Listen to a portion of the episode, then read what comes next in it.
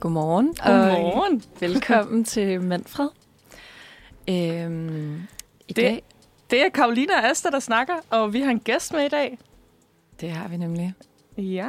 Og øh, vi øh, skal snakke om noget lidt tungt i dag. Vi skal snakke om psykisk mistrivsel, øh, og særligt blandt unge, øh, fordi det er lidt af vores målgruppe, men også vi når nok lidt rundt omkring det hele. Ja. Øhm, Det gør vi. Ja. Så skal vi have vores faste speak selvfølgelig. Øhm, jeg, har en, jeg har en udfordring, øh, som måske lidt man kan argumentere for er i, i tråd med, med det her emne. Mm. Øhm, men det kan I selvfølgelig høre mere om efter, efter pausen. Det skal jeg nok... Øh, det skal jeg nok komme lidt ind på. Det bliver rigtig spændende at se, hvordan det er gået med Astas udfordring, Ja. og øh, hvilken udfordring hun går videre. Og til Ja. Og øh, efter at vi har øh, snakket lidt om psykisk øh, øh, mistrivsel og psykisk sårbarhed, øh, med blandt andet et interview med Simon fra Pigerfatterskabet, så øh, har vi endnu der vores faste speaks, øh, Saxen, et dilemma der, og til sidst en omgang øh, ugens hot or not, inden at vi øh, takker af for i dag. Ja, og øh, vi øh, vil bare lige slå fast, at øh, hverken jeg, Asta eller Karoline er eksperter inden for øh, psykisk mistrivsel. Øh, så vi snakker ud fra øh, interviewet med Simon, som man måske mere kan kalde for en ekspert, øh, og nogle facts, øh, som øh, vi har fundet øh, på Socialstyrelsen og SIND øh, hjemmeside. Ja. Øhm, og hvis I har det rigtig skidt øhm, og overvejer øh, selvmord, så skal I ringe til 70 20 12 01. Øhm, det er meget vigtigt for os, at vi understreger at, øhm, de ting. Øhm, Ja, og det er livslinjens det er livslinjens telefonnummer, lige præcis. Ja. Øhm, men skal vi lige øhm, høre en sang, inden vi går rigtigt i gang? Det skal vi. Vi skal høre Skyer med Dana Faye. Dana Faye. Og øh, den, den kommer nu. Velkommen tilbage. øh, nu skal vi have vores faste speak om øh, ugens udfordring. Ja, Og Asta, du fik jo ugens udfordring. det gjorde jeg. Ja, jeg blev øh, udfordret til at meditere 30 minutter om dagen. Hold da op. Det er også meget. Jeg synes, det er så meget. Ja. Øhm, Men du er ikke vant til at meditere. Jeg vil ikke sige, at jeg er vant til at meditere. Men du har gjort det før. Jeg har gjort det. Altså, Okay. Jeg har også lavet sådan noget body scan og sådan noget. Ja. øhm, som min mor er sindssygt glad for. Det er faktisk, altså det virker faktisk meget godt. Jeg vil sige, at altså, jeg kan godt finde ud af det. Jeg ved ikke, om det giver mening, for jeg ved ikke, om I har prøvet at meditere før nogle af jer, men, men det er ret svært faktisk, hvis man skal, altså da jeg begyndte på det, var jeg sådan, jeg forstår ikke, hvordan skal jeg mærke mine hænder, hvordan skal jeg mærke mine fødder, det, det kan jeg slet ikke forstå. Nej. Altså sådan, så jeg, kan, jeg vil sige, jeg kan godt finde ud af det.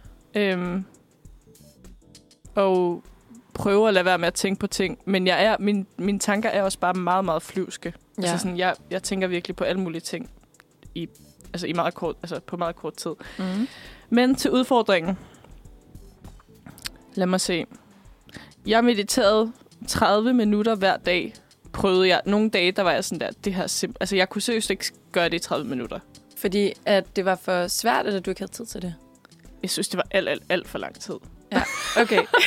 det er også meget lang tid Det for en, der ikke er vant til at meditere. Det er meget, meget Ja. lang tid. Altså, jeg, og jeg vil sige, det hjalp lidt. Altså, jeg plejer sådan at gøre det sådan øhm, øh, om aftenen, sådan, Mhm. Sådan, inden når du jeg skal i seng. Ja. Ja. Og det synes jeg egentlig virker meget godt, også fordi jeg godt kan have lidt svært ved at falde i søvn. Jeg er sådan en, der, der mosler ret meget, og sådan ikke, altså sådan, I ved, altså min kæreste for eksempel, han er sådan en, der bare ligger sådan noget, og så sover han bare. Det er så imponerende. Det er så vildt, det kan Nå, jeg kan slet det. ikke. Altså Nej. jeg skal lige sådan, jeg, altså jeg ligger sådan en time nærmest. Så øh, det virkede lidt, synes jeg.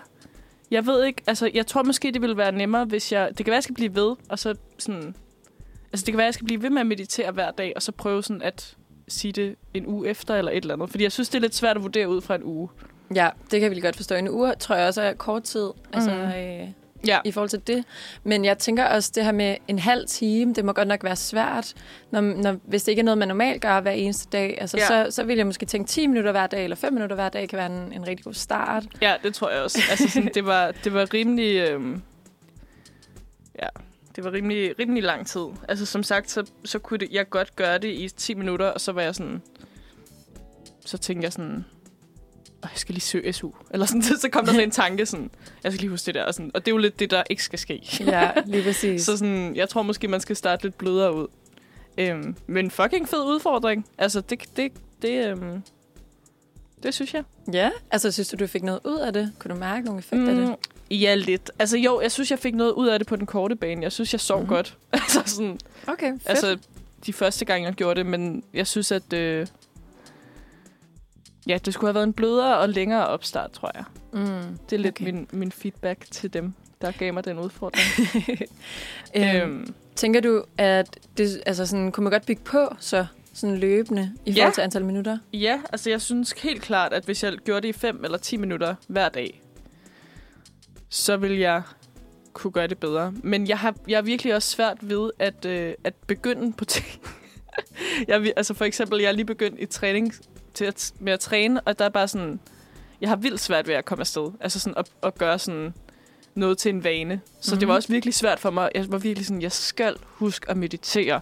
Og sådan, så det blev også sådan, Nærmest skrive det i kalenderen. ja, præcis. Ja, præcis. Så jeg synes, det var lidt, jeg synes, det var lidt svært at komme, øh, komme i gang med det. ja. Jeg tror også, det er Øhm, svært det der med sådan, at skabe en ny vane. Eller sådan, Ja, hvis- man gerne vil gøre det til det.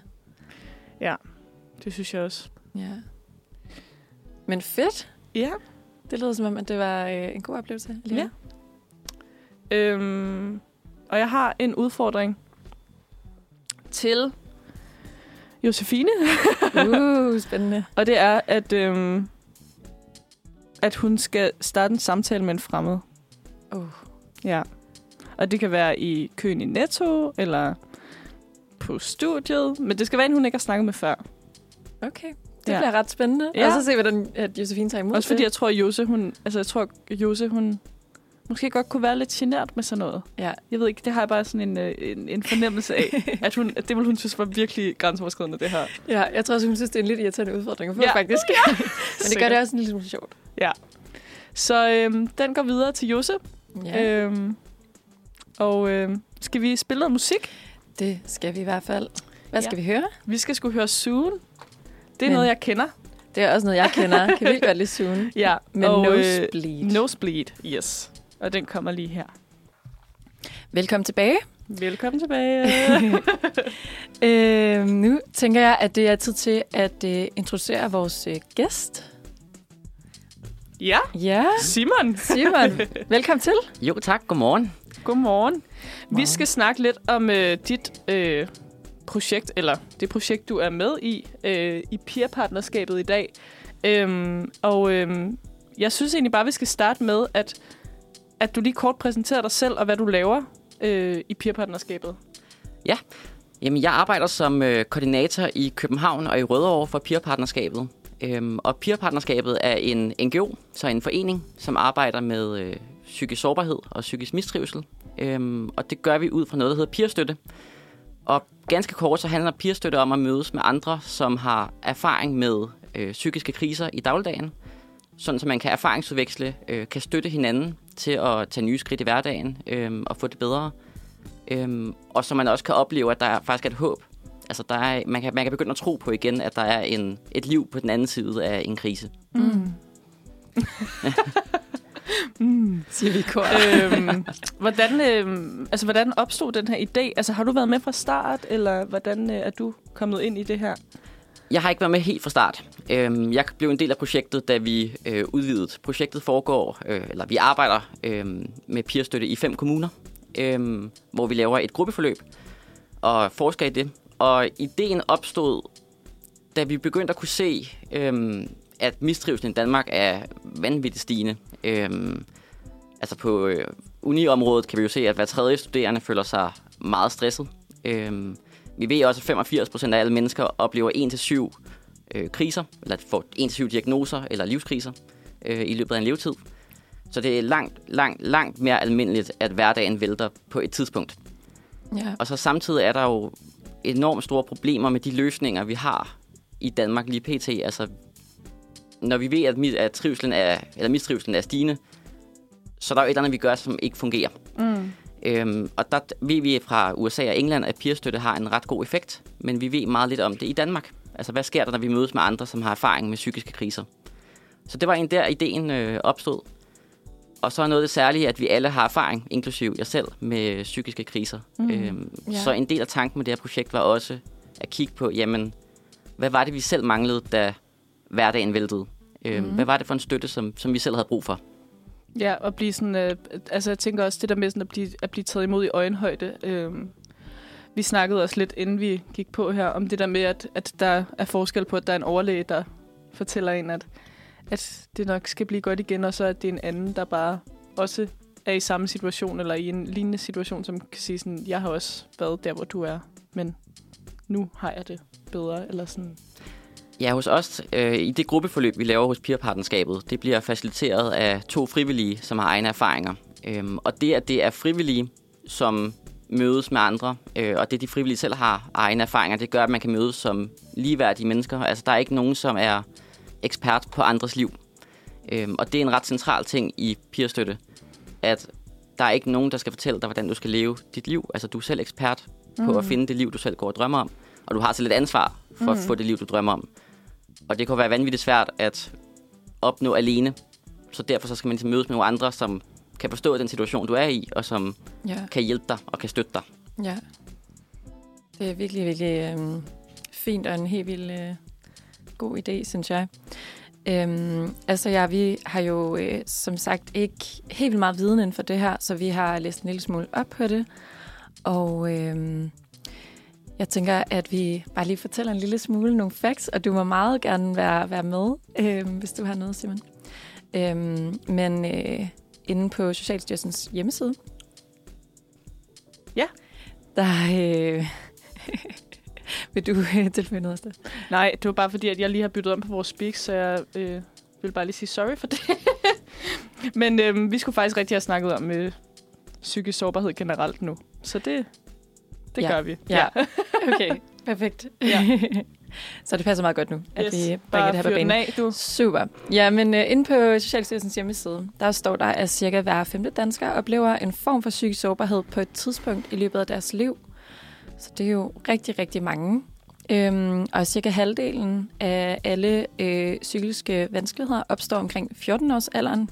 Den var jeg virkelig, at den synes jeg virkelig var sindssyg, den der fakt. Ja, At det er virkelig tidligt, at det er sindssygt tidligt. Og unge ud- mennesker oplever det, ikke? Altså, Præcis. Jamen, det er nemlig det. Og altså, dertil så, så står der så, at tre fjerdedel, der udvikler en psykisk sygdom, er syge omkring 24 års alderen.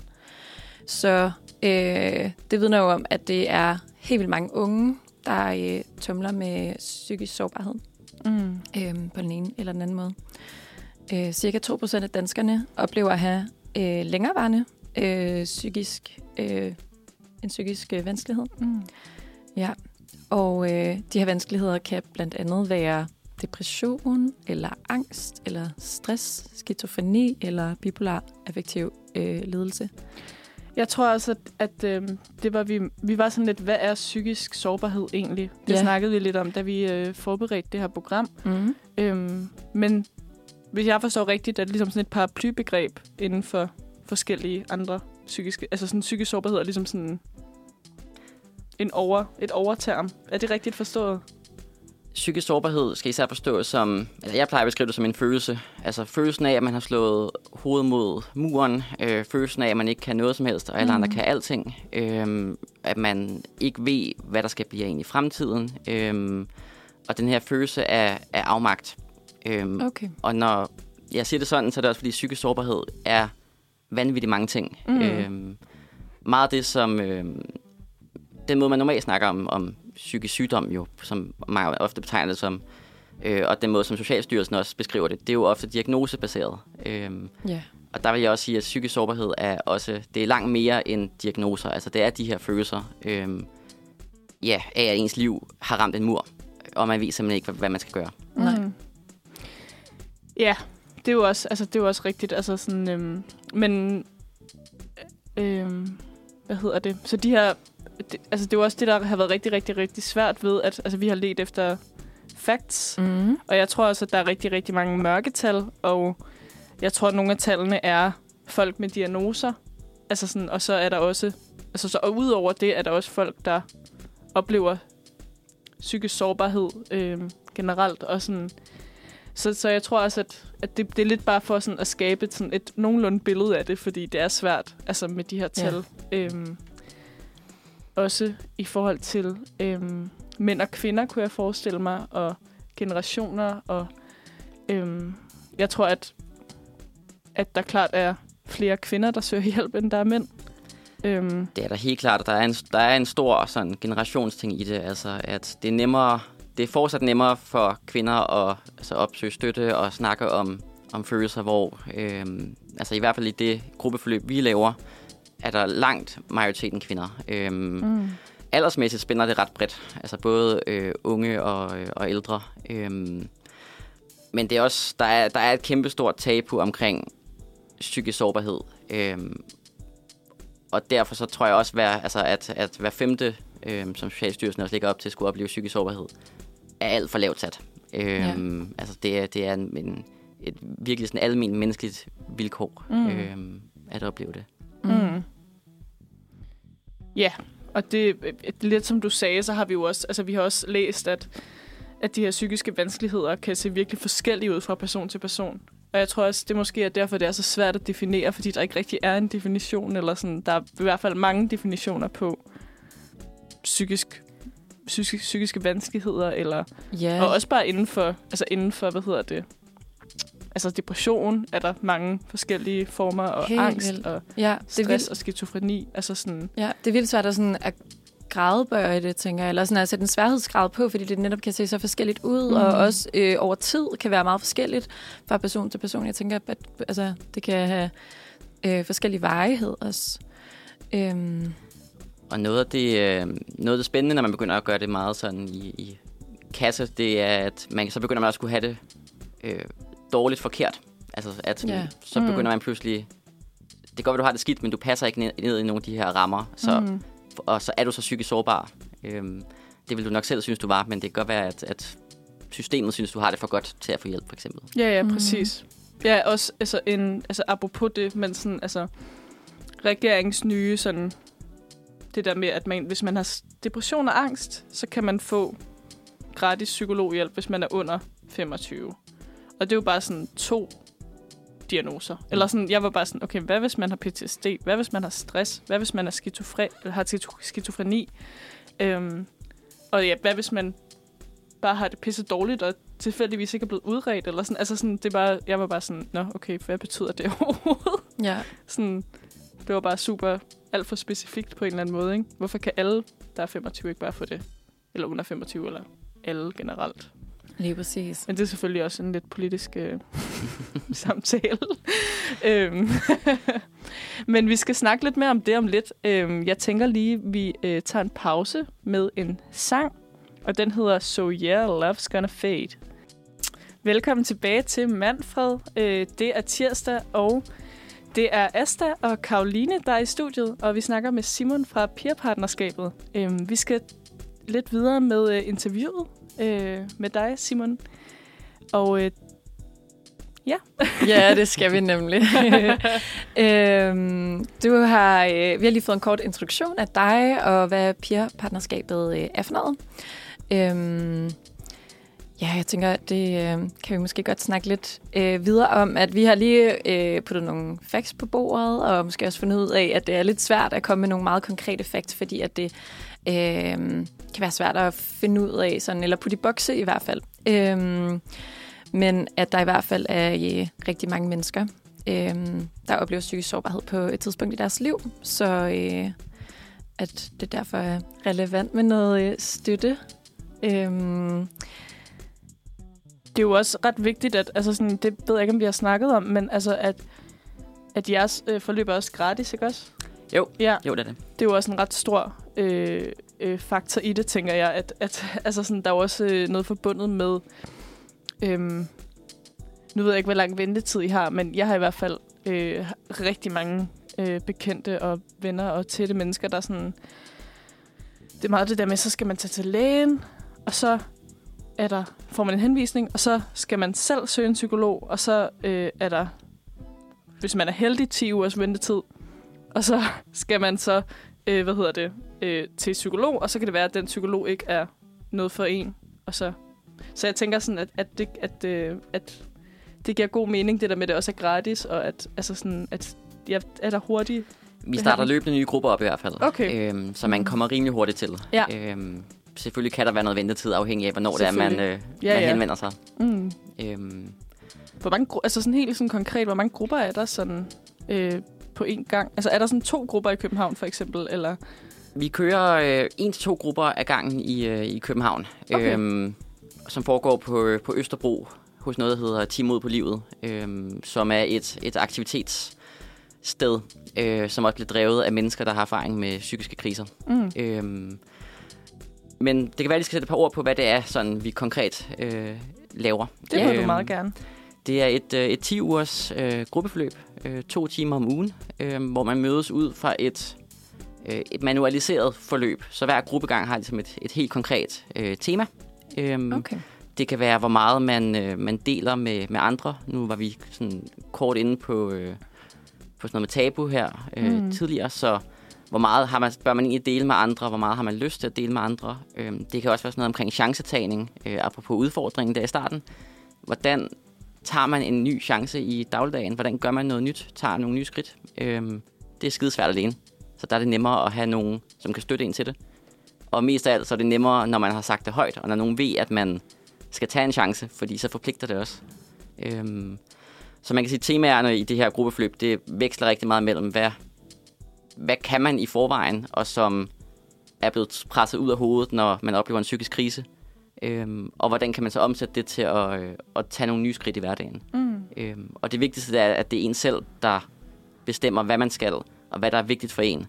Øhm, fordi ellers så ender man igen med at få videre andre, hvordan man får det bedre. Og her handler det om at finde sin egen vej til, til bedring. Mm. Ja. Så man bliver ikke sådan øh, presset ud i alt muligt, kan man også sige. Nej, man deltager Ja. fuldstændig på, på egne øh, præmisser. Ja. Øh, det er ret vigtigt det der med, at man, man går ind i det, fordi man tænker, at man, man drømmer om at, at stå stærkere i hverdagen. Man drømmer om at, at, at blive klogere på sig selv. Øhm, fordi man skal have den der motivation til at gøre noget nyt. Øh, og ikke være den passive, der, der får at vide af andre. Øhm, hvis du gør det her, det her, det her, så øh, kommer du til at få det bedre. Øhm, Mm. Fordi så bliver man virkelig, virkelig passiv i eget liv. Det er klart. Øhm, og altså, det er øh, sammen med frivillige, der, der støtter øh, dem, der deltager i det her 10 ugers øh, gruppeforløb. Øhm, altså, hvordan, hvordan er det, det foregår egentlig? Jamen, det er, det er to frivillige, øh, som har egne erfaringer med psykiske kriser. Øh, og det foregår på den måde, at øh, man mødes 8-10 deltagere, og de to frivillige. Øh, og så sidder man omkring et bord, øh, og så snakker man ud fra en, øh, en manual. Øhm, og de frivillige er ikke undervisere, så det her det er ikke et undervisningsforløb. Øhm, de frivillige er der for at videreformidle den manual, som vi har lavet hos peerpartnerskabet, men de behøver ikke være enige med den. Og det er der, hvor det ligeværdige kommer ind i det. Fordi de frivillige deltager i alle snakkene, og i alle diskussionerne, og i alle øvelserne. Øhm, og man kan sige, så det eneste, der adskiller en frivillig og en deltager, det er, at de frivillige skal sørge for, at alle har det rart, når de er der. Sådan Og, være, hvad hedder sådan noget, koordinat, eller sådan koordineres, eller hvad hedder sådan noget, øh, styre samtalen måske lidt, eller sådan. ja, og, Ja. Hvis, og hvis nogen har svært ved at komme til ord, for eksempel, Ja. øh, eller hvis nogen snakker alt for meget, Ja. så... Øhm, Facilitator. Ja, lige Det var præcis. det ord, jeg præcis. lige. Koordinator, facilitator, ja. Ja. øhm, og ellers så, øh, så det er hele tanken også med det her med, med peerstøtte, altså at alle er lige i det. Øh, det er ret vigtigt, øhm, så der ikke er nogen, der, der har svarene for de andre. Øhm, fordi man, man lærer jo ofte, og det tænker jeg, øhm, nu er det jo heller ikke så længe siden, jeg selv gik på, på uni, og det gør man jo også på uni, det der med, at det er altid andres viden og andres svar, som er, er, det, er det rigtige og det vigtige, og vi skal hele tiden øhm, blive klogere på os selv gennem andre svar og løsninger. Øhm, og noget af det, vi gerne vil prøve at vende om her, det er, at det er faktisk dine egne svar og dine egne løsninger, som er de rigtige. Man skal bare nogle gange lære at tro på dem. Helt sikkert. Har du opfølgende spørgsmål? øhm, Jeg tror lidt, altså sådan, jeg tror lidt, du er inde, sådan lidt halvt inde på det, men øhm, i forhold til det der med, at vi snakkede lidt om det der med sådan rigtig hjælp og god hjælp, og Ja. øhm, det var sådan meget, en, det var sådan en samtale, Karoline og jeg havde, sådan, inden vi skulle interviewe dig, fordi at, altså, som du også lidt net, netop er inde på, det der med sådan, at, at der er ligesom et rigtigt svar til ting, eller et facit til ting. Så sådan, hvilke problematikker sådan, ser du i, øh, i forhold til sådan, at kunne give den rigtige hjælp til mennesker? Øh, giver det mening? Ja, det tror jeg. Øhm, jamen, det der med den rigtige hjælp, det er, altså, det er jo, problemet er, at det hurtigt bliver, øh, hvad hedder sådan noget, one size fits all. Mm. Øhm, og at, ja, det er igen det her med, at så går man til øh, socialrådgiverne eller til psykologen osv. Og, og der var ikke noget ondt, ondt om det, for det kan også rigtig meget. Øh, men når man har været inde i systemet længe nok, og man modtager hjælpen, fordi man har at gøre med nogle mennesker, som brænder for at hjælpe andre, så bliver man også hurtigt afhængig af den her hjælp fra andre. Øh, det synes jeg, vi møder rigtig ofte. Det kan jeg også altså relatere til på egen krop. Altså man, man begynder hurtigt at stille spørgsmålstegn ved, hvad man selv tror og tænker. Øh, og så derfor tror jeg, at den rigtige hjælp altså den eneste måde at finde den rigtige hjælp på, det er at spørge den, den enkelte, hvad er det for et liv, du går og drømmer om? Øh, og hvad er, det så, du, hvad er det, du selv også kan gøre for at opnå det liv? Mm. Og det kræver nogle klare rammer, det kræver, nogle, altså det kræver selvfølgelig nogle værktøjer og øh, nogle sparringspartnere og alt det her. Og så er det vigtigste bare, at man selv er ligesom primus motor på at finde sine egne løsninger. Mm. Det giver virkelig god mening. Ja. Øhm, vi skal snakke lidt videre om det, og også øh, lidt om det tabu, der er øhm, omkring psykisk sårbarhed og øhm, diagnoser og everything in between. Øhm, men vi skal lige høre en sang, øh, og det er Stella øh, med Here For You. Velkommen tilbage. og velkommen tilbage til dig, Simon. Øhm, vi snakker om psykisk sårbarhed og om øhm, jeres projekt i øh, peer-partnerskabet. Øhm, og Øh, en del af psykisk sårbarhed, eller en stor del af det, er også, at der er sådan en kæmpe tabu omkring det her emne, øh, desværre. Så øh, øh, ja, umiddelbart, så, så fordi at der måske ikke bliver snakket så højt om det, øh, så øh, må der være rigtig mange mennesker, som måske ikke øh, går, altså, søger om hjælp, øh, og ikke, ikke får den hjælp, de har brug for. Er det noget, I oplever, det her tabu? I høj grad, jeg tror også, noget af det, der fylder rigtig meget ved, øh, ved psykisk sårbarhed, det er ensomheden ved at gå alene med de ting, der fylder, øh, og tro, man er den eneste i verden, som, øh, som ikke dur til noget og har det sådan her, øh, og er det overhovedet okay at have det sådan her. Øh, det, er også, det var også en del af baggrunden for, at peerpartnerskabet egentlig også startede op, øh, og en del af det her gruppeforløb, vi laver, er også, øh, eller om rammen for gruppeforløbet er, at det, det er et forskningsprojekt, øh, Ja. og det handler også om ligesom at få noget ny viden omkring, jamen, hvad er det en, der fylder, når man oplever psykiske kriser? Øh, prøve at skabe en ramme, hvor det også bliver mere okay, og øh, opleve, at der er nogle ting i hverdagen, som er svære og gør enormt ondt. Øhm, fordi det sjove er, når man, altså det oplever vi, når vi laver det her forskning, og når vi laver det her gruppeforløb, at hvis man siger højt, at jeg føler de her, de her, de her ting, nærmest uanset hvem det er, så kan folk relatere til det. Altså folk kan relatere til følelsen af, at man ikke dur til noget, og at alle andre kan alting, og altså, hvordan skal man nogensinde lykkes? Øhm, på universitetet kan jeg da huske, det var rigtig meget sådan nogle ting med jamen, frygten for fremtiden, altså hvordan skal jeg nogensinde lykkes at komme ud og få et arbejde, og øhm, alle de andre er jo langt bedre, end jeg, end jeg selv skal, så hvordan skal jeg nogensinde kunne overhale dem i karriereræset, og altså alle de her ting, der,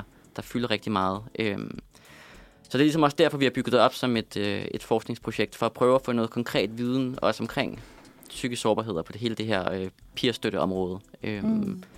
Og der er det de første af sin slags i, øh, i verden, vi også laver.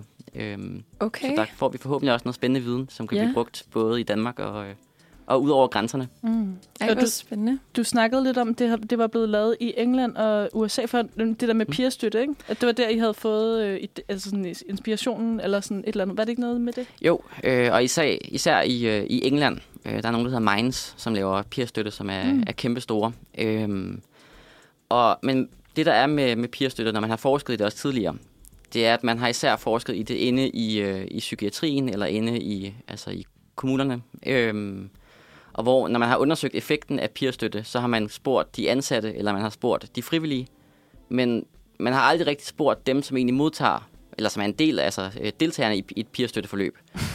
Hvilket er super paradoxalt, men det er jo sådan Ja. en... Øh, må man sige. ja, øh, så det er også første gang, og det er også en del af hele det her med at prøve at afstigmatisere og altså aftabuisere. Det er med rent faktisk at prøve at spørge dem, som, altså få svarene fra dem, som er en del af det. Altså prøve også at give plads til, at vi er nysgerrige på deres oplevelser, og det er ikke altid er de fagprofessionelle og de frivillige og alle os andre. Mm. Øhm, og det klinger jo også langt mere hult, øhm, hvis vi spørger, altså hvis vi til sidst i forløbet spørger os, der arbejder med det, om det her det virkede, fordi vi har jo en stor interesse i at sige, jamen det var jo skide godt. Ja, og Så- også fordi, altså, du kan jo ikke sige, hvordan andre har det. Eller sådan, Nej, præcis. altså, det, det kan man jo ikke bare sådan... Det, det synes jeg bare er vildt underligt. Ej, undskyld, jeg er bare sådan helt overrasket over det. Hvorfor har man ikke spurgt dem, der det faktisk handler om? Ja, Det virker vildt underligt. det virker virkelig underligt.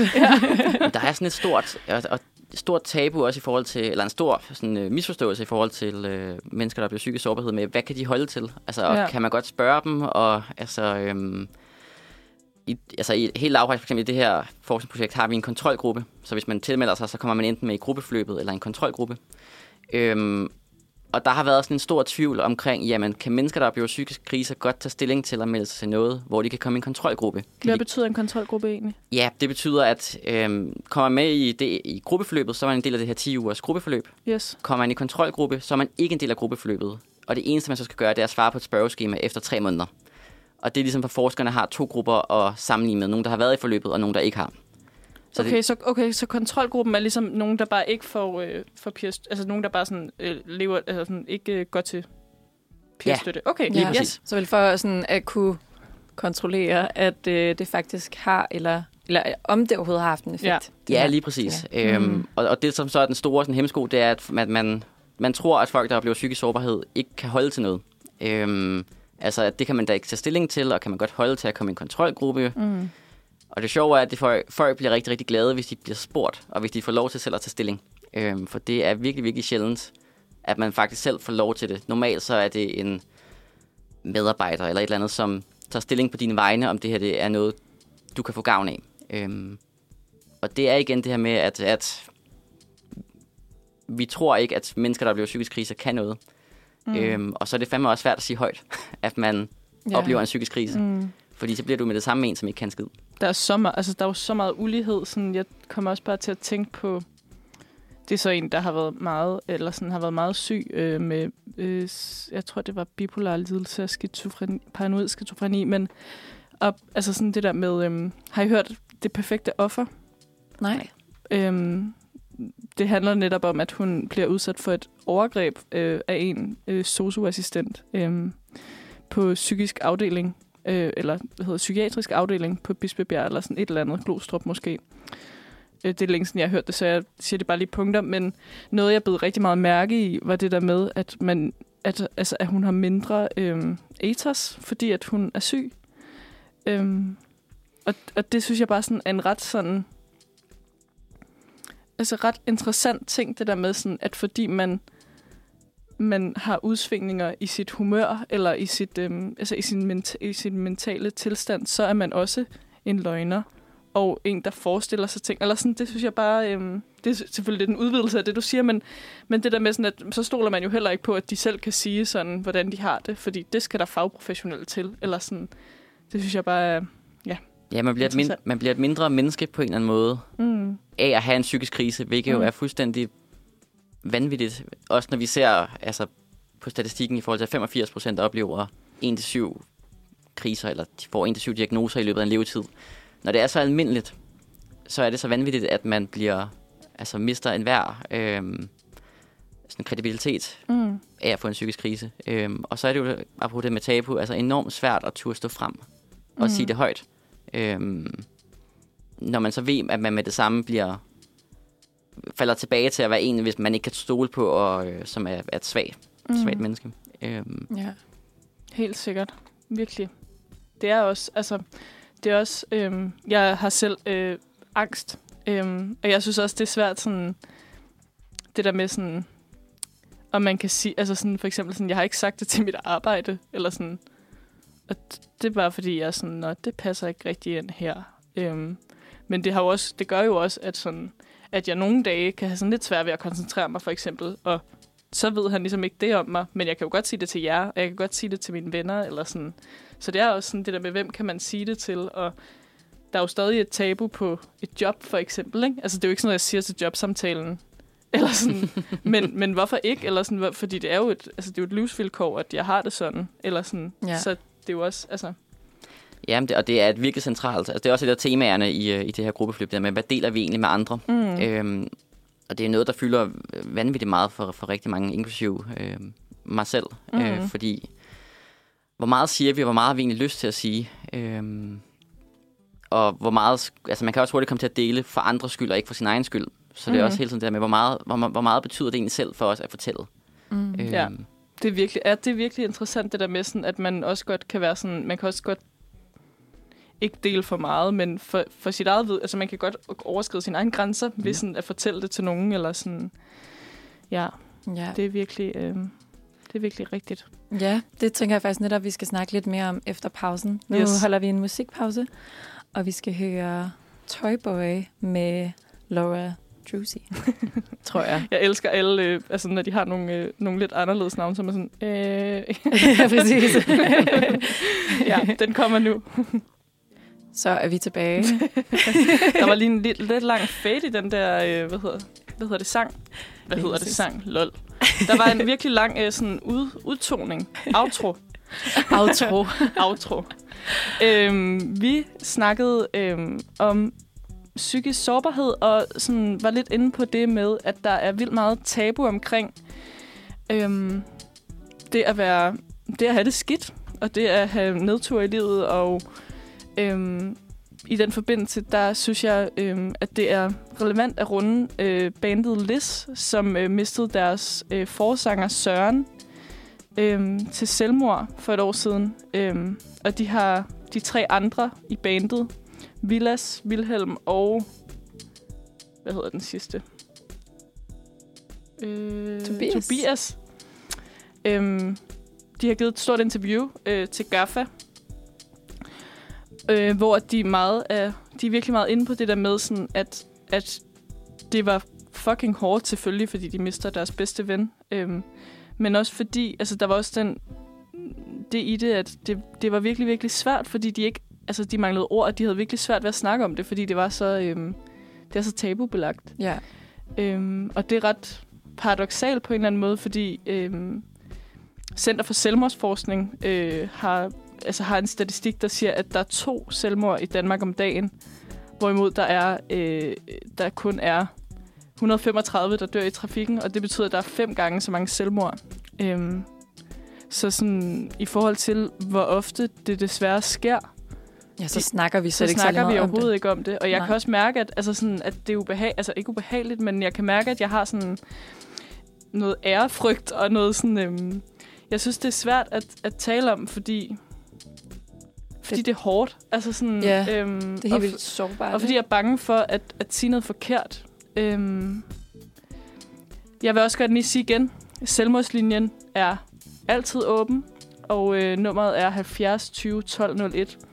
Det er meget vigtigt, øhm, hvis der er nogen, der lytter, øhm, der går med de tanker. I det her interview med, øhm, med drengene fra Lis, der siger, øhm, der siger Villas noget virkelig fint, øhm, som jeg gerne vil læse op. Øhm, og det er det her. Det var mega svært at snakke om det i starten. Selvmord er så uhåndgribeligt. Vi manglede ord. Siden børnehaven har vi lært om trafikken, lært at bruge sikkerhedsseler, og at vi ikke måtte køre over for rødt. Men vi har aldrig lært, at man skal snakke med sine venner om psykiske proble- problemer, og at det er normalt at have selvmordstanker.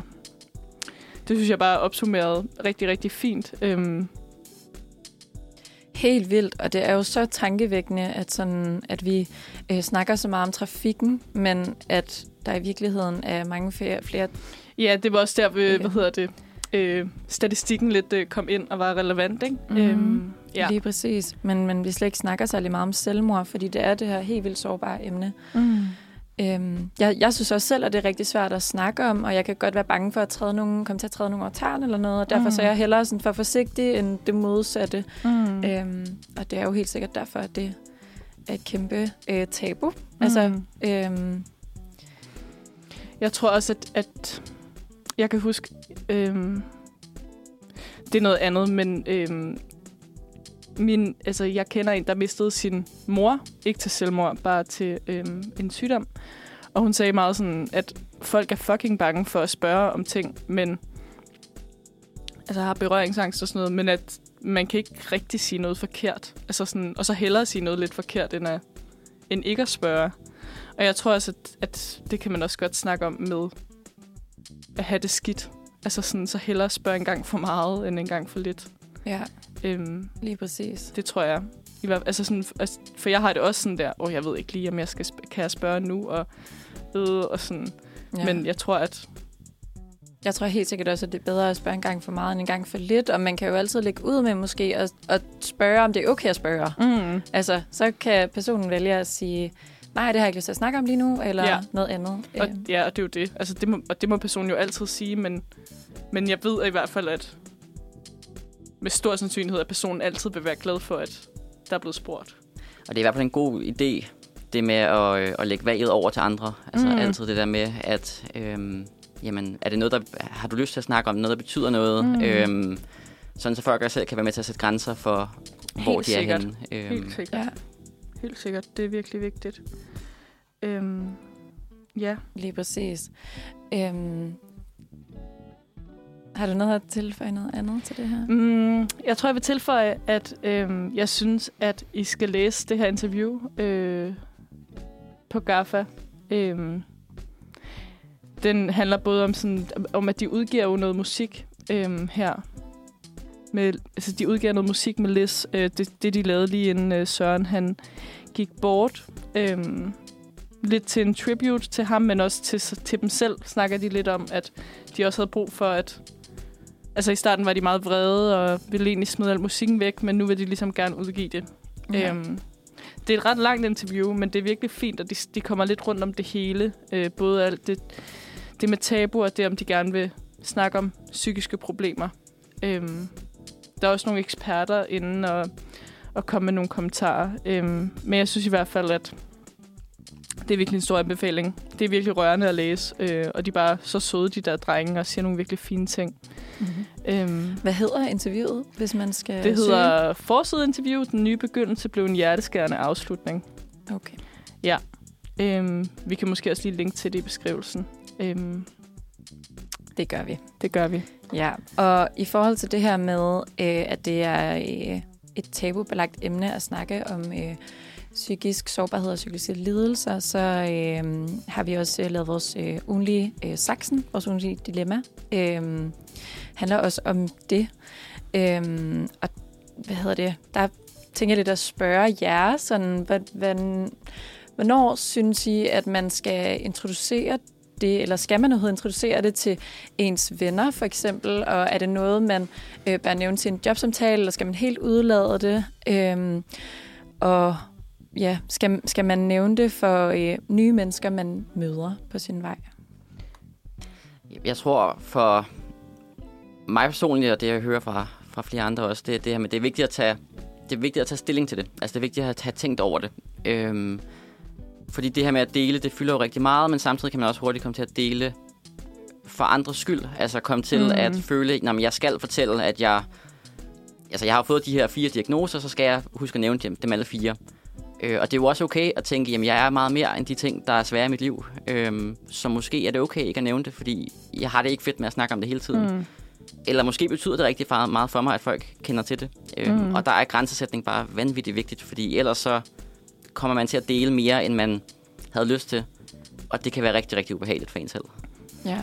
Det synes jeg er en virkelig god pointe, det der med, sådan, at man nogle gange øh, deler for andres skyld, fordi det, det tror jeg i hvert fald, at der er mange, der godt kan genkende. øh, det, synes jeg, det synes jeg bare er en virkelig god pointe, fordi jeg tror, jeg tror sådan, at inden jeg snakkede med dig, Simon, så tror jeg måske, jeg ville være sådan, og jeg ville ønske, at man bare kunne dele alt. Altså sådan, altså, at man levede i en verden, hvor at man ligesom bare kom ind og var sådan, hej, jeg har det her, det her, det her, og øh, jeg synes, det her er svært, og jeg synes, det... men sådan, men at det også er, men at man måske også nogle gange deler for andres skyld, det tror jeg også, jeg selv har gjort ret meget egentlig, sådan mm. i Mhm. mit, li- altså sådan, når jeg kigger tilbage på ting, ikke? Altså Ja. sådan, og ligesom mærker efter selv. Men det kan også være svært, tror jeg, at, at vurdere, hvor at, altså at, at trængen til at dele kommer fra, ikke? Altså, hvordan mærker man, at, at lige nu, der deler jeg, fordi at, at, at det giver mening at dele nu, og, eller sådan, at hvornår deler jeg, fordi jeg har lyst, og hvornår deler jeg for andres skyld, ikke? Øhm, Det er, det er sindssygt svært. Mm. Øhm, det er også derfor, vi har en hel gruppegang, der handler om det der med at dele. Øh, der er sådan en øvelse, der hedder delecirkler, som handler om, hvor man tager stilling til, hvad er det egentlig for nogle mennesker, man har i sit liv at omgås med, og hvad har man lyst til at dele med forskellige mennesker. Mm. Og det er det der med, at man ikke står i situationer og tænker, hvor, hvor meget har jeg egentlig lyst til at sige lige nu. Øhm, fordi øh, når vi tænker over det, så ved vi jo ofte, eller vi har i hvert fald en idé om, hvordan folk reagerer. Øhm, altså, og hvad er det egentlig også for en respons, vi gerne vil have, når vi deler med andre. Øhm, jeg havde, der var en, der fortalte mig på et tidspunkt, når han sagde ting højt, så mødte han enten fikserfar eller bekymrermor.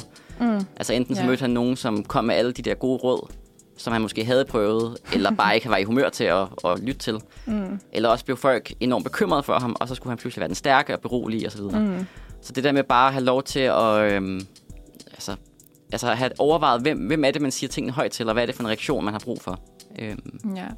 Og det er jo også, altså, og der er jo også virkelig forskel på, sådan, hvem man deler til. Jeg kan huske sådan, bare min, altså, jeg har, en, jeg har to øh, lille søstre, småsøstre. Og sådan, bare min søster siger, jeg er ked af det, så er jeg sådan der, øh, hvad skal jeg gøre? Hvordan, øh, og sådan, altså, jeg bliver sådan helt, øh, altså, og det er jo fordi, det er min lille søster, ikke? Altså sådan, ja. Så jeg tror også, at sådan noget som peer øh, partnerskabet er virkelig, altså og ja, øh, inde hos, altså der laver det der peer-støtte, giver virkelig god mening, fordi det også er rart. Øhm, altså der er både den del, der er sådan det der med sådan, okay, jeg kender ikke den her person, så, så måske bliver de ikke sådan vildt bekymrede mm. og vildt fixeragtige. Og så, og det gør de jo netop heller ikke, fordi at de også selv har oplevet det. Eller sådan, så det tror jeg også giver ret god mening. Øhm, Mm. Ja. Og hvor, at, altså, det, altså ja, der er bare forskel, forskel på, hvem man deler til, ikke? og hvordan den reaktion er. Ligesom sådan, jeg tror, hvis jeg sagde det til min mor, så ville hun også blive helt vildt bekymret. Og sådan, Ja. mor, jeg tænker de her ting hele tiden, og sådan, ej, vi ringer til en psykolog, og vi gør det der, vi gør det der, vi gør det der, og sådan. Så det, det tror jeg også er en ret god pointe. Ja, altså personligt er jeg også virkelig slem til det i meget parforhold, med at komme med gode råd øh, konstant. Altså det der, hvis, nogen, hvis hun pipper op over, at der er et eller andet, der, der er svært i, øh, i dagligdagen, så kommer Mm. mm. alle de gode råd jo også væltende ud. Ja.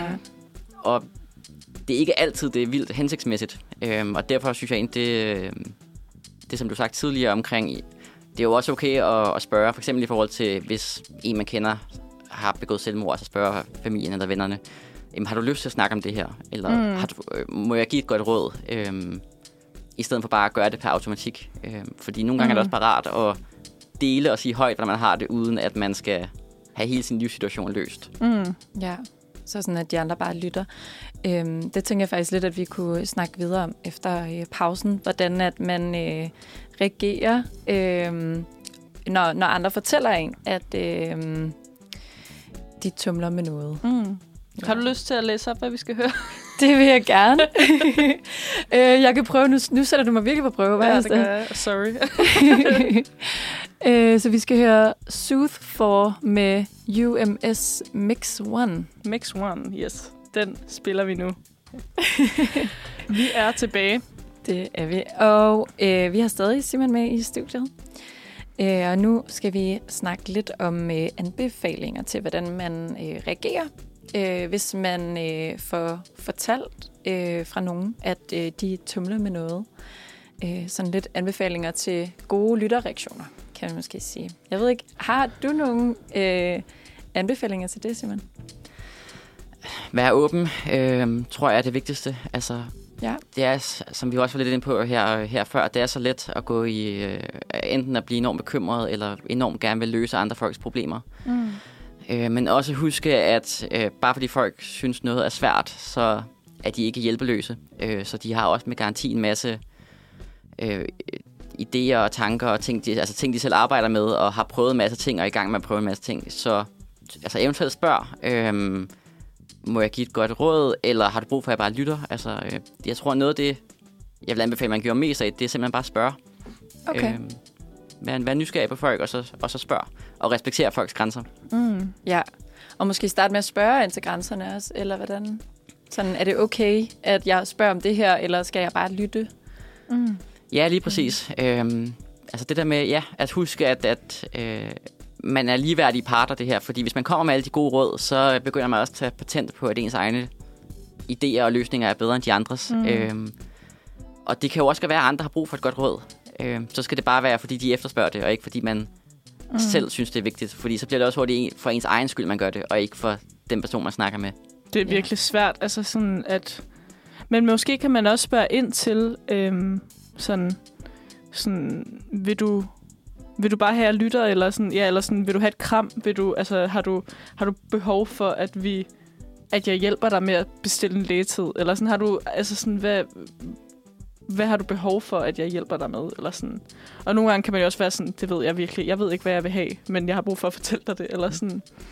Øhm, så ja, jeg tror, det som I snakkede om med, at man måske skal spørge ind, hvad, hvad har du behov for? Hvad, øhm, og, men man kan jo også godt være i den situation, hvor man ikke ved det, tænker jeg. Ja, og det er, jo, altså, det er jo også helt okay, hvis den anden, den man snakker med, siger, at øhm, jamen, altså, det, bare kom med alle de gode råd, du overhovedet har. Jeg vil bare mm. Mm. virkelig gerne høre dem. Mm. Så har vedkommende jo sagt, altså lagt op til det. Øhm, det er bare nogle af det der med at huske, at det, man, hvis man bare kommer med gode råd, og man bare øhm, ja, eller bliver enormt bekymret, så gør man ofte tingene for sin egen skyld. Mm. Og det skal jo helst være for den, man gerne vil støttes skyld. Øhm, så spørg, spørg, spørg. Ja. Det må være key i, fra, dagens, øh, altså fra dagens udsendelse. Sådan, spørg ind og ja. spørg mere og spørg igen. Og være nysgerrig. Og være nysgerrig. Ja, lige præcis. Ja, Og have respekt for, når folk, altså for folks grænser, og hvis de Ja, siger så- nej. ja. Øhm, Præcis. Og så også, måske også, altså, fordi det, altså også, kan, altså også øhm, mærk efter, også som den, der faktisk har det skidt. Altså, fordi det tror jeg også øhm, på en eller anden måde er nyt for mig. Eller sådan, altså det er sådan, det er sådan lidt en ny... Øh, altså, jeg vidste jo godt, man godt må have grænser, men altså det der med, at man godt må sige nej til, hvis nogen spørger. Og man, altså, man må godt sige sådan, ej... Øh, puha, jeg kan faktisk ikke snakke om det uden at græde lige nu, eller sådan, jeg øh, har faktisk ikke rigtig lyst til at snakke om det lige nu. Skal vi ikke øh, vente til en anden dag, eller sådan, men tak fordi du spørger ind, eller sådan, men det er virkelig sødt af dig, at du spørger mig, men jeg kan faktisk slet ikke overskue at snakke om det lige nu, eller sådan. For man kan også godt føle sig tvunget til at svare, kunne jeg forestille mig, ikke? Altså, Jo. ja, Øhm, og jeg synes i hvert fald, at jeg oplever, hvis jeg, hvis jeg personligt snakker rigtig meget omkring ting, jeg synes er svære, og ting, jeg ikke dur til og ikke kan finde ud af, øhm, så begynder det sgu også at sætte sig lidt i, i en. Altså nogle gange er det også bare rart, ikke at være nødt til at snakke om det. mm. Eller bare kunne sige det højt. Jeg har det sådan her, og så snakker vi ikke mere om det. Ja. Øhm, helt sikkert. Mm. Så respekterer man jo også sine egne grænser på den måde i hvert fald. Ja, ja. ja, lige præcis. ja, helt sikkert. Mm-hmm. Øhm, jeg tænker, vi har... Øh, vi har haft et rigtig godt interview i dag med dig, Simon. Øhm, men jeg tænker måske, du vil afslutte ved ligesom at, øh, at fortælle kontaktoplysninger, og hvor man, øh, hvordan kontakter man jer, og hvor er det henne, og alt det formelle sådan. Ja, i hvert fald. Så lytterne kan, altså hvis de har det svært, kan, kan kontakte jer. Hvis der er nogen, der er nysgerrige på, øh, på det, vi laver, øh, og det kan både være, hvis man er nysgerrig i, i forskningen, øh, eller eventuelt at være med, altså prøve at komme med i gruppeforløbet, øh, eller bare gerne vil høre mere peerstøtte, øh, så kan man kontakte mig på 92 92 08 56, øh, eller gå ind på peerpartnerskabet.dk, øh, hvor der også står kontaktoplysninger og mulighed for at, øh, at melde sig til. Øh, og ellers så kan man også sende en mail til øh, siam det sociale netværk, hvor E'et er et AE. øh, så der er masser af måder at komme igennem. Der er masser af kontaktmuligheder. Ja, Skide godt. Ja, det er godt. Okay. Kan man også, øh, altså mangler I frivillige?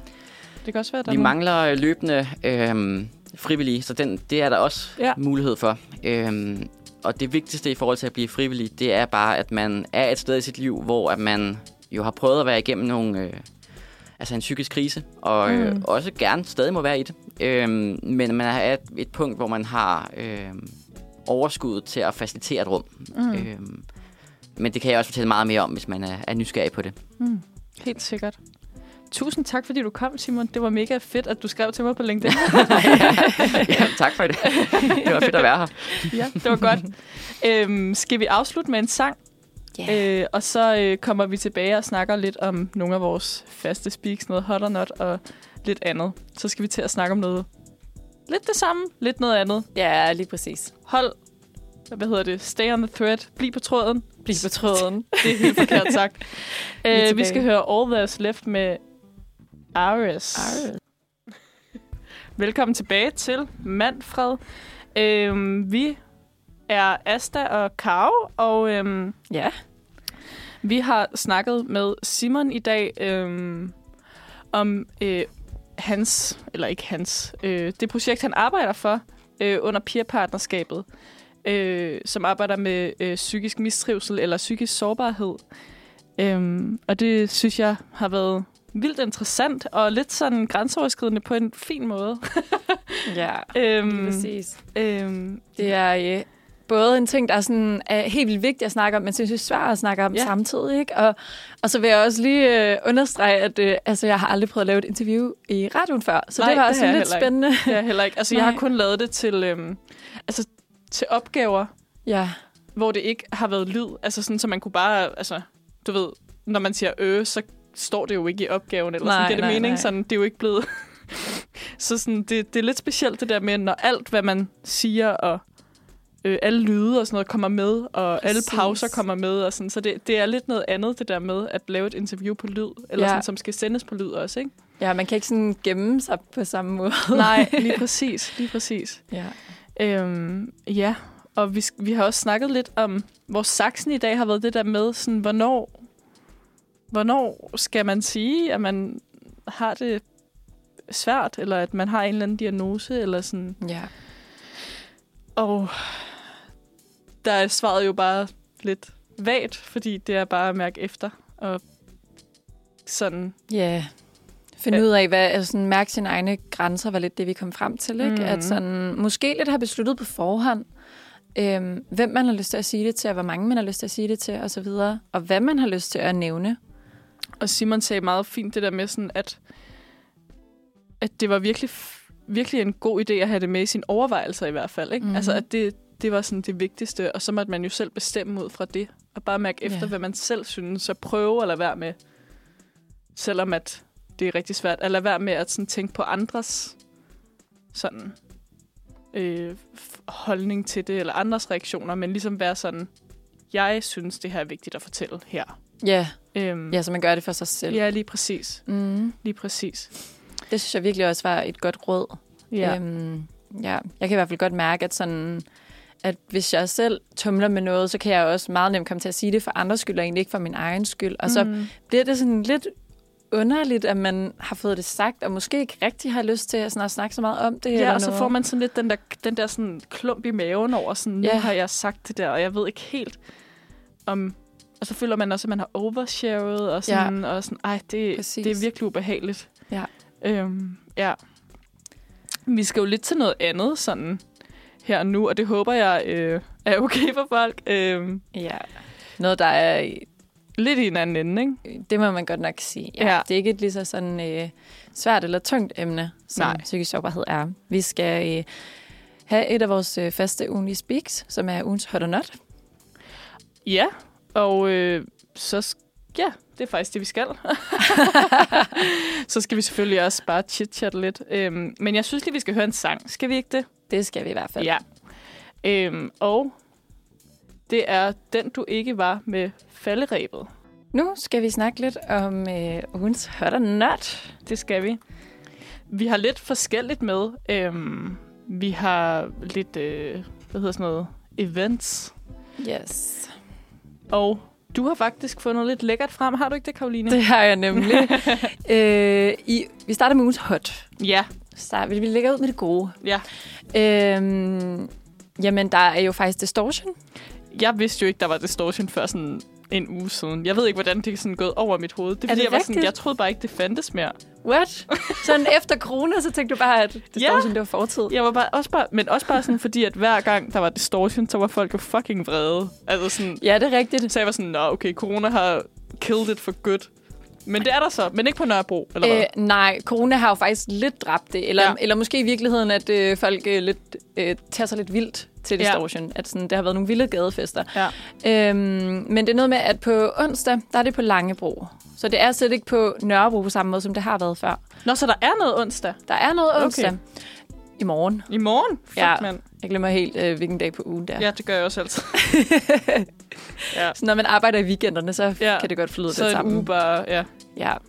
Øhm, ja, så onsdag er det Kun på på Langebro. Langebro. Ja, og jeg kan faktisk ikke lige huske, om man skal øh, have et eller armbånd og betale for det på en eller anden måde. Det kan, Nå. jeg øh, det kan jeg lige Jeg ved i hvert fald, på Vesterbro om torsdagen skal man ikke. på. Nej, der er det for free, så der kommer jeg. Det gør jeg også.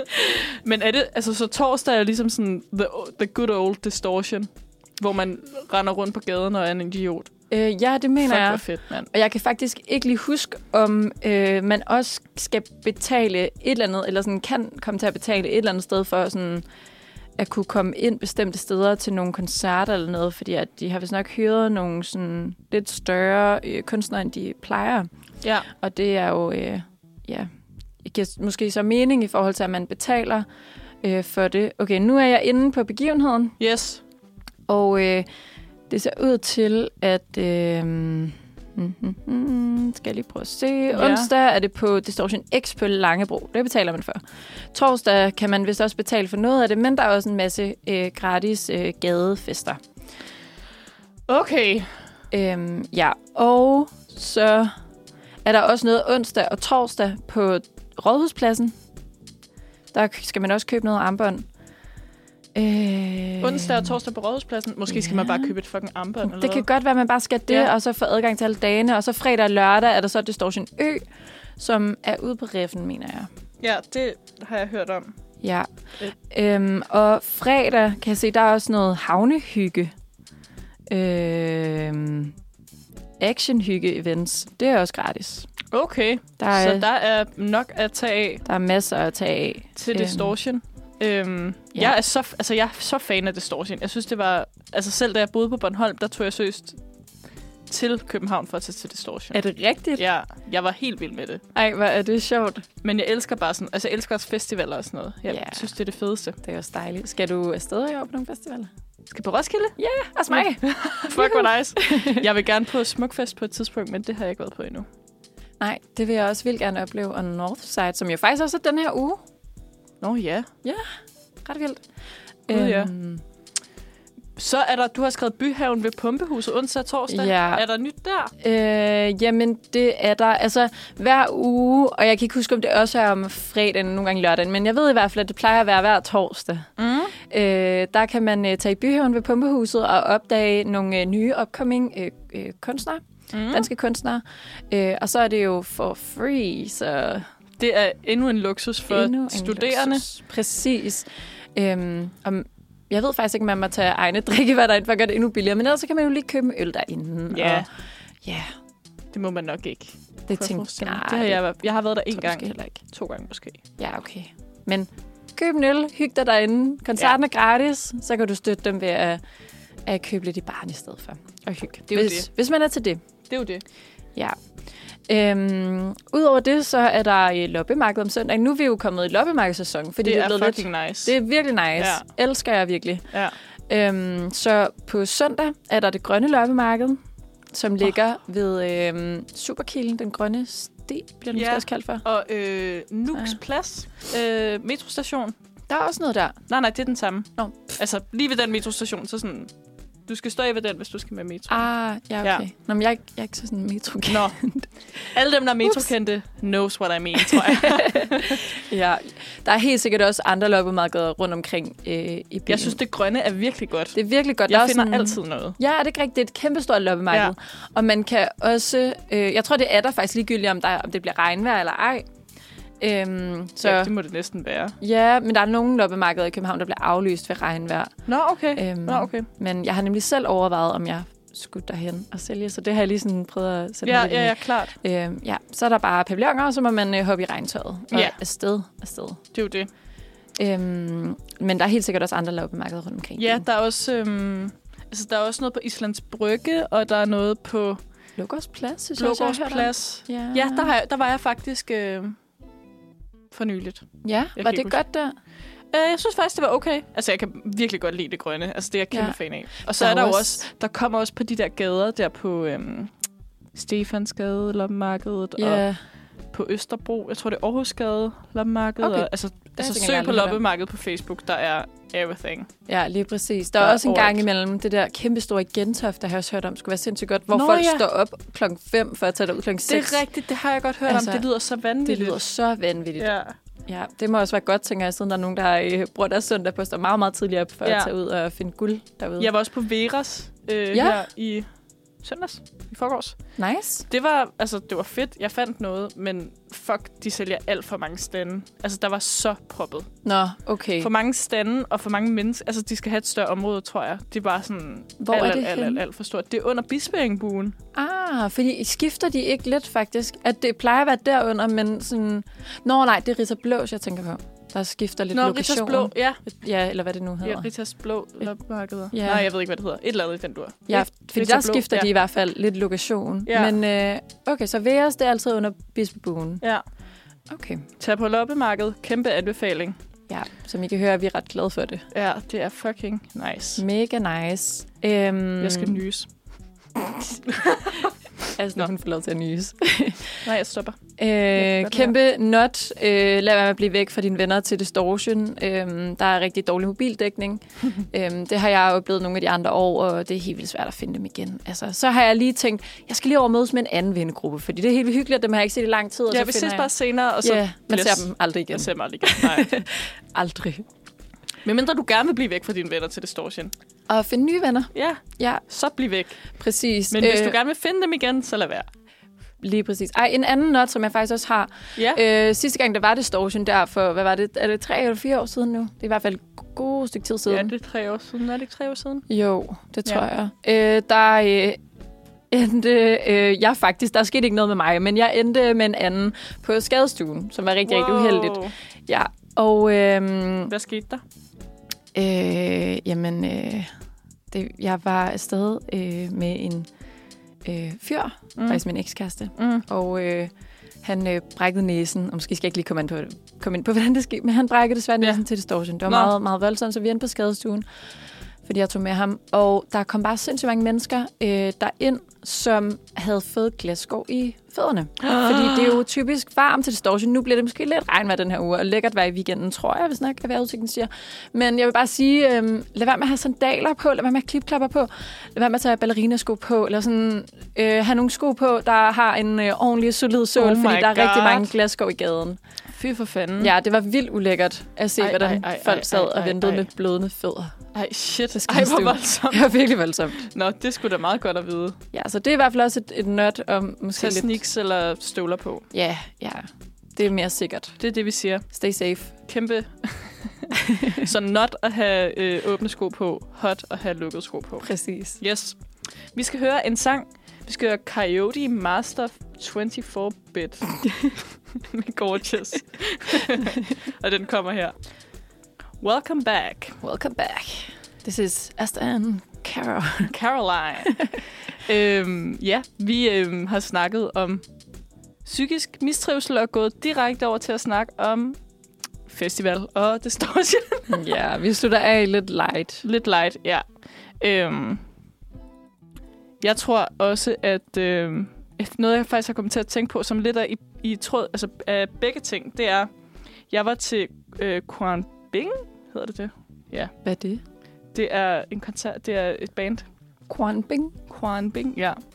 Jeg var til øh, koncert øh, i KB-hallen for en måned siden eller sådan noget. Øhm, og jeg... Øhm, der gik det op for mig, at øh, der har jo været corona, så jeg har ikke været til sådan vildt mange koncerter, hvor der har været vildt mange mennesker. Nej. Jeg stod virkelig tæt på nogen, og øh, der var, jeg stod ret langt foran, så der var ret langt ud, og der er ligesom i KB-hallen er der ligesom kun to udgange, som sådan Ja. er bag i, altså sådan, altså helt bagerst. Ja. Så man skulle sådan igennem hele menneskemængden for at komme ud, og der gik det op for mig. Det her synes jeg ikke er det fedeste i verden. sådan, Øhm, var det ubehageligt, fordi der var så mange mennesker? Og sådan, Ja, og der var sådan, der var, vi stod tæt, og ja. jeg vidste ikke, hvordan jeg skulle komme ud og sådan noget. Og jeg, Nej. jeg var, øh, altså det er intet øh, med KB, altså jeg har ikke styr på sådan noget arkitektur og sådan noget, men, men det gik op for mig sådan, at jeg måske ikke helt kan overskue det samme, som jeg kunne på et tidspunkt. Nej. Eller sådan, Sådan, corona har ændret noget i dig? ja, altså jeg tror, at eller sådan, enten skal jeg vende mig til det, eller også så skal jeg bare acceptere, at øhm, at hvis jeg skal til en koncert, så skal jeg ikke stå vildt sådan langt fremme og tæt, og ja. det ved jeg ikke. Men det gik i hvert fald op for mig sådan, okay, her der trigger det faktisk lidt min angst. Eller Mhm. mm-hmm. sådan, Og det var, det var sgu en, øh, en sjov, øh, hvad hedder sådan noget, åbenbaring. En speciel åbenbaring at få, når jeg virkelig har været sådan en rigtig Roskilde-tøs, der stod aller forrest, der stod i pitten og skubbet tilbage til folk og sådan noget. Ja. Så øhm, ja, så det, øhm, det er også faktisk lidt en...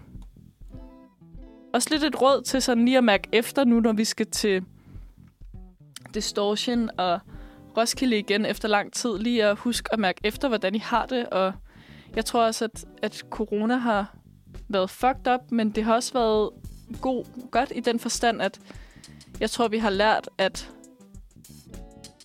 mærke efter, eller sådan, at, at ja, måske sådan mærke efter, sådan, hvordan vi egentlig har det, og vi, har, vi er blevet tvunget til sådan at ligge lidt i sengen og Ja, sådan stop lidt op. stoppe lidt op, og det tror mm. jeg, Mhm. vi skal huske at gøre, når vi tager ud og har det fucking sjovt. Og, Ja, fordi det er ikke, altså, kender ikke også godt det, når man er på Roskilde en hel uge? Så sådan, der er lige nogle tidspunkter, hvor man er sådan der, får sådan lidt, øh, også fordi man drikker hver dag. Og ja sådan, det er rigtigt. Så, for, så bliver det helt lidt for meget, Ja, måske. så kan det hele godt blive lidt for meget. Så sådan Ja. en anbefaling til lige at gå ind i teltet og sove en lur. Lige gå Ja. ind i teltet, høre, høre en podcast. Hvis man ikke bor så langt væk fra Roskilde, eller en af de andre festivaler, så kunne man jo også lige tage hjem en halv Ja, dag, tage eller hjem, en hel ja. dag, Til hjem. og lige sådan lade lidt op og være lidt alene og sådan noget. Men, Ja. men jeg kan faktisk godt øh, følge dig i det der. Ja. Jeg, øh, inden corona, der, der øh, tror jeg så, jeg havde meget mere behov for at være ude og være meget sammen med mennesker og sådan noget. Og jeg er Mhm. stadig sindssygt social, men jeg kan godt mærke, at det er som om, jeg har en grænse nu. Mm. Og når den er nået, så, så skal jeg bare være alene, og så Ja. skal jeg bare gå tidligt i seng og ligge helt alene i min seng. Mm. Det har jeg det vildt nice med. Ja. Øhm, ja, det er faktisk det er lidt sjovt egentlig, Ja. at man sådan kan ændre sig på grund af, at man har været tvunget til at være ja. meget for sig selv. Ja, det er virkelig rigtigt, og jeg tror, at, at der er rigtig meget sådan spænding, der er bygget op øh, mm. sådan, øh, under corona, fordi fuck, jeg har, altså i hvert fald, jeg har savnet Roskilde Festival så meget. Ja, Og Distortion, og alt det der med at være sammen med en masse mennesker, man ikke kender, øh, blive bedste veninder med en eller anden pige i køen til toilettet, øh, sådan alt muligt, de der ting, ikke? Ja. Og, men jeg tror, at, øh, at det er rigtig vigtigt, at man husker at mærke efter, særligt sådan nu, hvor der er opbygget så meget tension Ja. omkring. Ja, Det tror jeg helt sikkert også, så man ikke bare kører sig selv øh, ud over grænsen. Eller Ja. sådan mærke efter, hvilke grænser man faktisk har, og ja. hvornår det lige bliver lidt for meget, og Ja. man lige skal trække sig. For jeg kunne forestille mig, at det bliver, altså... Altså, fordi der er bygget så meget op, så jeg tror, der er fuld energi på, på Mhm. Distortion og Roskilde i år. Ja, det tror jeg virkelig også. Ja. Øhm, hvilket jo også er super fedt. Men bare lige husk at mærke efter, hvordan I har det, og øhm, det skal jeg også virkelig selv lære. Jeg, har også, altså, jeg tror også, det er svært for mig, fordi jeg er virkelig sådan en FOMO-person. Så jeg tror, det bliver svært for mig at lægge mig ind i teltet. Eller tage hjem. Altså, det, det har jeg virkelig svært ved. Men jeg skal Ja. prøve at tvinge mig selv lidt til det, hvis jeg kan mærke, at mit overskud er virkelig lavt. Øhm, ja. Så det er lige en, øh, en lille anbefaling herfra. Det er en ret god anbefaling, Ja. synes jeg. Det er noget, man nemt kan, kan komme til at glemme. Virkelig. Ja. Skal vi høre noget mere musik nu? Det synes jeg. Mm. Kiss and Crash med Giona. We're Ja. back. Lol. det, det der, altså, altså jeg er, så, det er så svært det der med lige sådan at lave en fed fade med, øh, med musikken. Også fordi, at nogle af, nogle af sangene fader jo selv. Ja, Så sådan, og der er ja. nogen, der stopper lidt mere bræt. ja, den her stoppede nemlig meget bræt. Der var jeg sådan, ah! ja, Au. ja. Ej, det, Ja. ja. det er totalt internt at snakke om sådan noget her i radioen, ikke? Fordi folk er bare sådan, okay, det forstår jeg ikke. Helt sikkert. Ja. Hvordan, hvordan fader man lige? Ja. Øhm, vi har snakket lidt øh, lige før om øh, distortion og lidt festivaler og så videre. Mm. Øhm, det snakker Ved, ved du egentlig noget sådan helt specifikt? Ej, undskyld, jeg afbryder dig. Nej, det kan jeg. Øh, om sådan, hvem der spiller på Distortion? Altså, hvad sker der? Jeg ved det What's faktisk happening? ikke, men jeg kan lige undersøge det. Ja, fordi... Altså, jeg, jeg har en ven øh, fra øh, Danser med Piger, Mm. mm. øh, som er ham, der spiller øh, saxofon. Han spiller nogle gange sådan...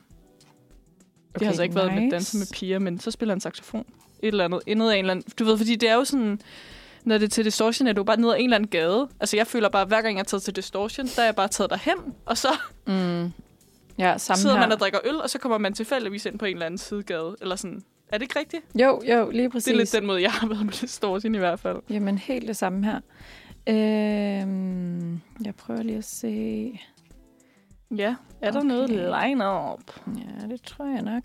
Sort distortion. Er det det, der er... Nå, det er på fredag. Line-up. Der var der noget. Nå, sort distortion. Nå, det er altså...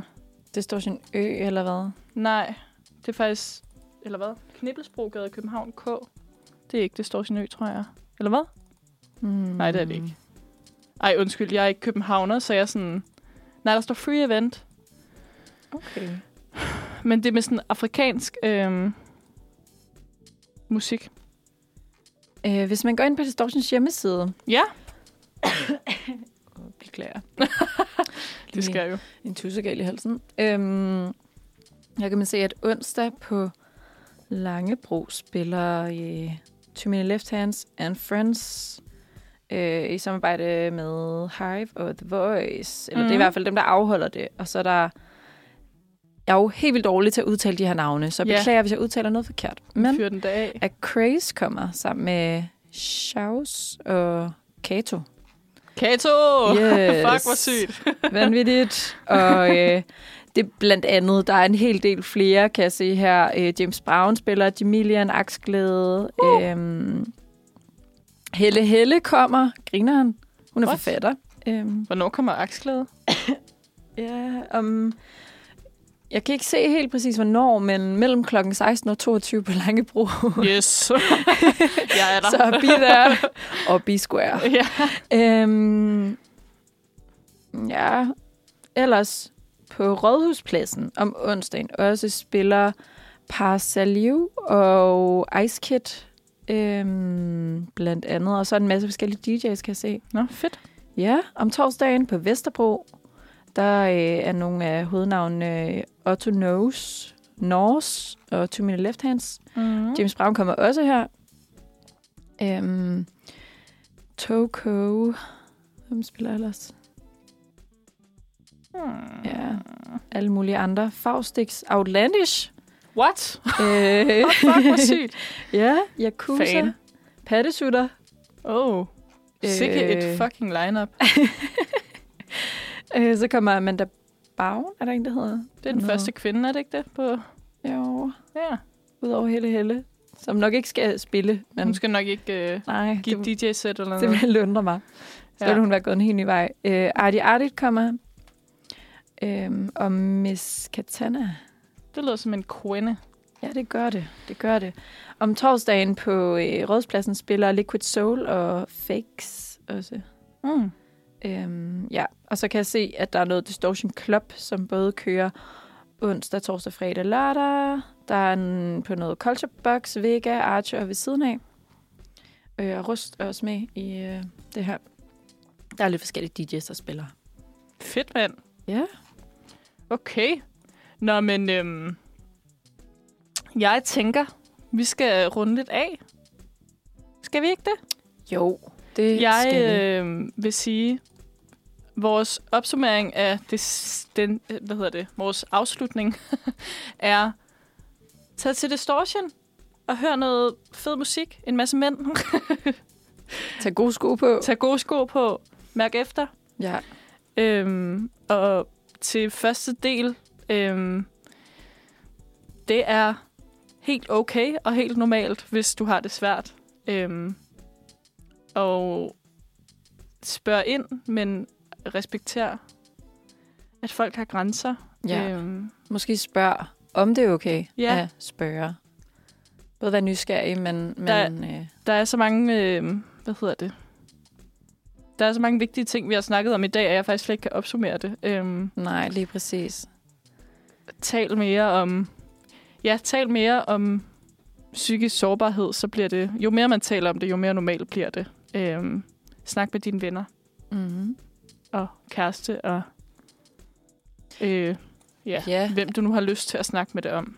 Noget af det, der har overrasket mig i dag, er faktisk øhm, at finde ud af, hvor mange, der i løbet af deres liv, på et eller andet tidspunkt i løbet af deres liv, Mm. har eller har haft øhm, øh, psykiske vanskeligheder. Mm. Øh, eller oplevet øh, psykisk sårbarhed. Det blev jeg faktisk ret overrasket over, og det mm. synes jeg er meget tankevækkende, at det egentlig er mere normalt end unormalt at øh, opleve det mm. på et tidspunkt. Som Lone Frank skriver i Weekendavisen, de raske er ikke normale, og det er jo altså det er jo tankevækkende i sig selv, men det er også bare tankevækkende, at noget er et tabu, når det er normalt. Ja. Altså. Ja. Altså. Det er jo, det er jo helt vildt, Ja. at vi er så dårlige til at snakke om det stadig. Ja. Øhm, så Og vi har jo også altså, snakket om i dag, at vi faktisk selv synes, det er ret svært at snakke om. ja, Øhm, så var det godt, at Simon var så åben og, og altså, var lidt bedre til at snakke om det, end vi var, tror jeg. Øhm, ja, jeg kunne komme med nogle råd til, hvordan, er man, hvordan man gør det, hvordan snakker man om det, hvordan øh, har man en god lytterreaktion, når nogen Ja. fortæller en omkring det. ja, lige præcis. Mm. Der er virkelig mange øh, vigtige ting, og jeg håber, at jer, der lytter, øhm, søger hjælp, hvis I, øhm, hvis I har hvis I har det svært, og at øh, I ringer til livslinjen, hvis I øh, overvejer at begå selvmord eller har tanker, og deromkring man må også gerne ringe, hvis man bare har tanker. Altså sådan, Ja, lige præcis. Deres telefonnummer er 70 20 12 01. Yes, lige præcis. Øhm, tusind tak for i dag. Øhm, det har bare været en dejlig dag, og dejligt at interviewe Simon. Øhm, og dejligt at sende med dig, Karo. I lige måde. I lige måde. Vi, øhm, jeg tror, vi slutter af på en sang. Skal vi ikke det? Det synes jeg er en god idé. Yes. Øhm, og Hvad skal vi høre? Hvad skal vi høre? hvad skal vi høre? Spændende. Skal vi ikke høre øh, Southern Cross med Nebula? Jo. Den kommer her. Tak for i dag. Tak for i dag.